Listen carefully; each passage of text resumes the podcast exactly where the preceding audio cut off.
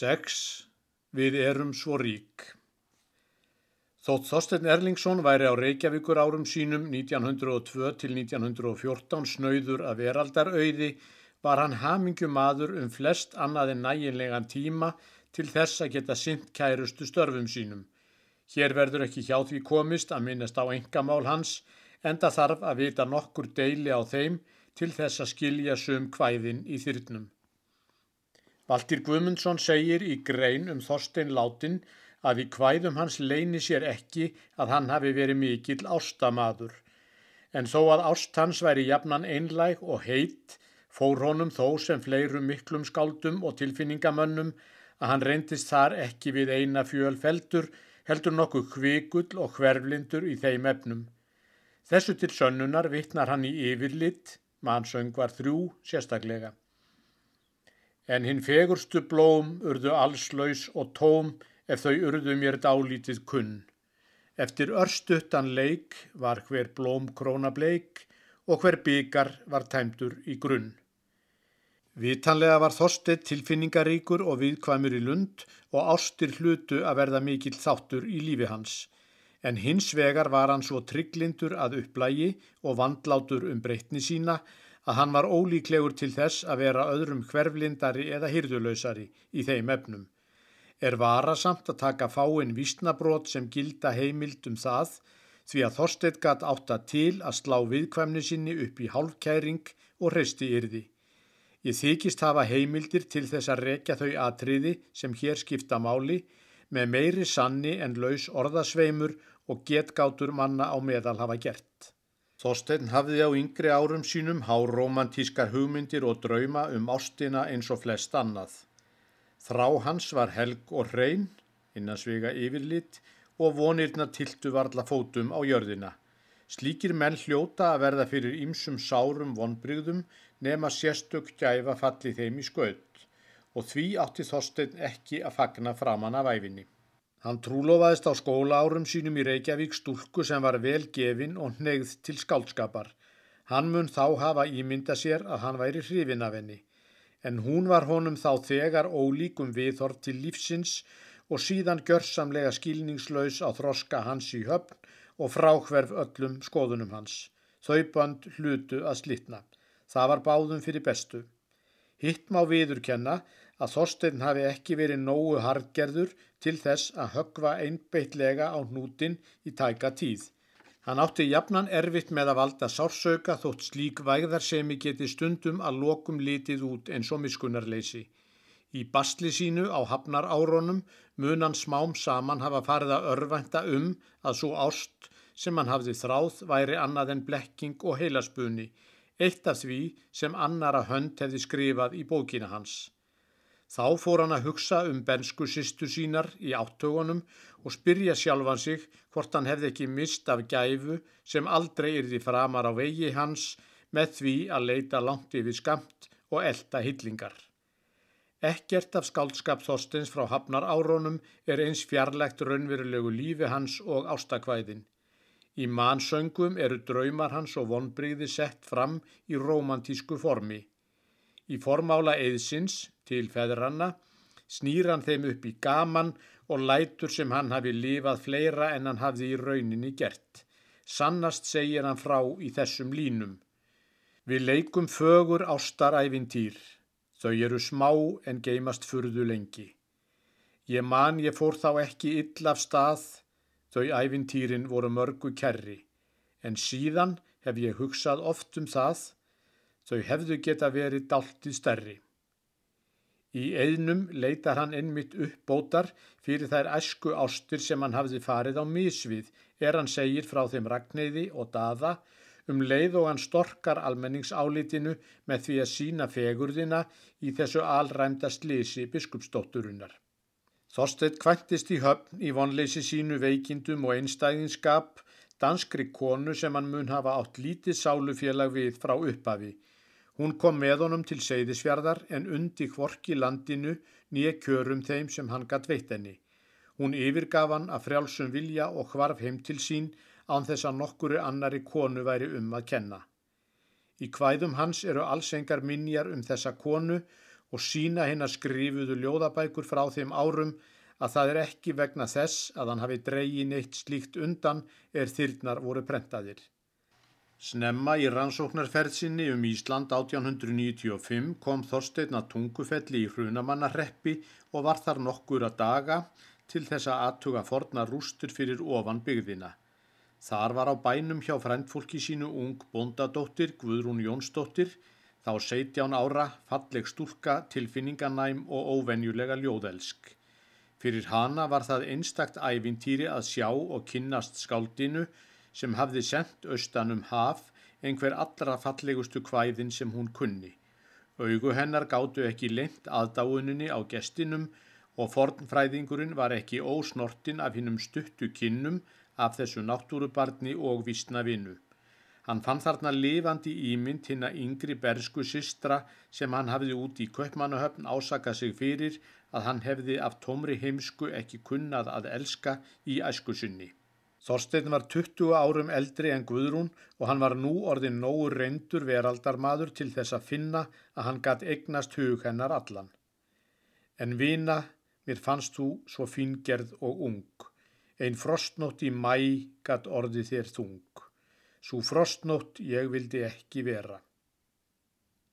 Hann kvarf aftur til skildu sinnar og gemdi þennan vordraum vandlega fyrir heiminum nema hvaðana líkindum hefur ort nótt í eðnum úti í höfn við bjarma þeirrar minningar.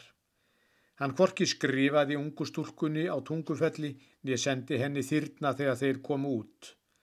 Það var ekki fyrir en Þorstedt satt innmanna og yfirgefin austur á Seyðisfyrði að leiðir þeirra Guðrúnar lágu aftur saman. Hún skrifaði honum að fyrra bragði voru 1900 vegna frendkonu sinnar sem var þar estra og hún treysti honum til þessa liðsinna en hann mun hafa lesið á milli línana að henni væri enn minnistæður gesturinn á tungufelli. Því brefi svaraði Þorstedt með kvæðinu sem stendur hér í öðru bindi 29. blaðsíðu. Honum var þetta kvæði of dýrmætt engamál til þess að hann týmdi að láta prenta það í annari útgáfu bókarinnar. En hann byrti þar annað kvæði til Guðrúnar, orta á afmæli hennar 1901, þar sem hann segir á gaman saman hátt frá fyrstu kinnum og ástum þeirra í álfeimum þau ár sem þau hefðu verið hvort öðru fjarrri. Hvæði Þorsteins og vísur bera svo mörg og skýr vittni um framhald þessara sögu að annara þarf ekki við. Eftir að hann egnaðist konu, börn og heimili var hann loks raunverulega komin heim. Þetta var auður sem örlögin leifðu honum að njóta til dauða dags. Með þeim Þorsteini og Guðrúnu voru ekki aðeins ástir, heldur reyndust þau hvort öðru drengir góðir, háðu baráttuna fyrir lífinu saman, voru samhendum smátt og stort hvort sem var að fagna gestum, hlinna að þeim sem bátt áttu eftir því sem efni framast lefðu eða hæna snjótillingana að húsinu á veturna. Þorstedt kunni því betur að meta þessa heimiliskæfu sem meir hafði nætt um hann fyrr á æfinni. Við erum svo rík, segir hann í vísu, sem hann orti á sömardaginn fyrsta síðasta árið sem hann livði. Þessi orð mega vel vera engunar orð Reykjavíkur árana. Engin maður gætt komið heim til Þorsteins án þess að finna að hann hafði höndland noss sem varð honum aldrei hverstaslegt, sífelt nýtt og hugstætt og hann vildi hlinna að með öllu móti. Guðmundur Skáld Magnússon segir í grein í skýrni 1915 að hann minnist þess ekki síðan hann kom til vits og ára að lát nokkus manns hafi vakið meiri og almennari söknuð en Þorsteins Erlingssonar. Þótt margur hafi eftir vill eins og oft vill verða betur kunnað að harma fráfall Þorsteins en gleðjast áður af því að vita hann á lífi, nautan óvenjulegra vinsælda á Reykjavíkur árum sínum og fann þess mörg merki. Fjölmarkir menn sem hittu hann og leituðu kynna af honum vegna ljóða hans komust fljóttar raunum að þeir fengu engu minni mætur á manninum en skáldskapnum og mundu alveg eins hafa viljað samvistir og vináttu við hann þótt hann hefði aldrei ort neitt. Þorsteini hlaut að þykja vendum þetta eins og hann var gerður. Það vermdi hann og glatti. Hann hafði indi af að taka við gestum heima og heimsækja vini og kunningja og ég held að honum hafi fundist að skilda sín að bæja engum frá sér. gera hverjum sem til hans leitaði þá úrlausn og greiða sem hann mátti. En þetta tók allt meiri tíma en góðu hófi gengdi og réð of miklu um hvað hann komst yfir að yrkja og hver yrkisefni hann valdi sér. Auðsjáanlega hefur Þorstedt búist við því er hann fluttist heim til Íslands að hilsan myndi ekki endast honum til langlífis. Hann víkur stundum að þessu í kvæðum sínum bæði í gamni og alvöru. Umhyggja svo sem hann naut á heimili sínu og allt annað sem honum hlottnaðist fram yfir það sem hann hafði vænst sér til handa, glætti löngun hans til að lifa og helt lífstróttinu við. Það var honum til dæmis í mesta indi síðustu árin að hann loks egnaðist lítið og hendugt hús þar sem hann gatt búið um sig og heimilið eftir eigin smekk og þörfum. Stefan G. Stefansson fór ekki með hégóma fremur en hann var vanur er hann klóraði þessa stökur upp úr sér í Vísnabók Guðrúnar 1917. Þegar á heiðum þögnuð er þekta svana röstin sækir oftað einu mér órósemi á höstin. Helst þá gleður Guðrún mín, geðið, amaþrungið, einn hefur veit ég vegna þín, vonum lengur sungið. Hitt var einsætt að Þorstein var ofvill til þess að þóla mikil áföll. Sumarið 1914 hafði hann að vanda farið austur í sveitir til vina sinna, kom heim til sín vel hress og bjórst til að færast margt í fang um veturinn. En eftir miðjan september vektist hann af lúnabólgu, þeim sjúkdómi sem honum hlaut að vera einna hættulegastur allra. Hann lést 28. september, daginn eftir 57. afmælistagsinn. Ymsir menn sem líkt eða ekki hafðu persónuleg kynni af Þorsteini Erlingsinni gerðu sér í hugarlund að hann hefði elst snemma og verið mjög hnignað síðustu árin. Sumum vinum hans fannst honum dabrast flugið í skaldskapnum eða hann vera breyttur maður hvort sem þeim þótti það nú aftur för eða aftur kvarf. Að síðara atriðinu verður nána vikið í næstu kapitulum. En um hið fyrra hygg ég sannast að Hilsu Þorsteins hafi ekki hnignað frá því er hann fluttist til Íslands þanga til hann lagðist banaleguna nema síðurværi þótt aldurinn segði til sín með fleiri gráum hárum og hann hafi notið þeirrar hamingju að vera ungur í anda til dauðadags.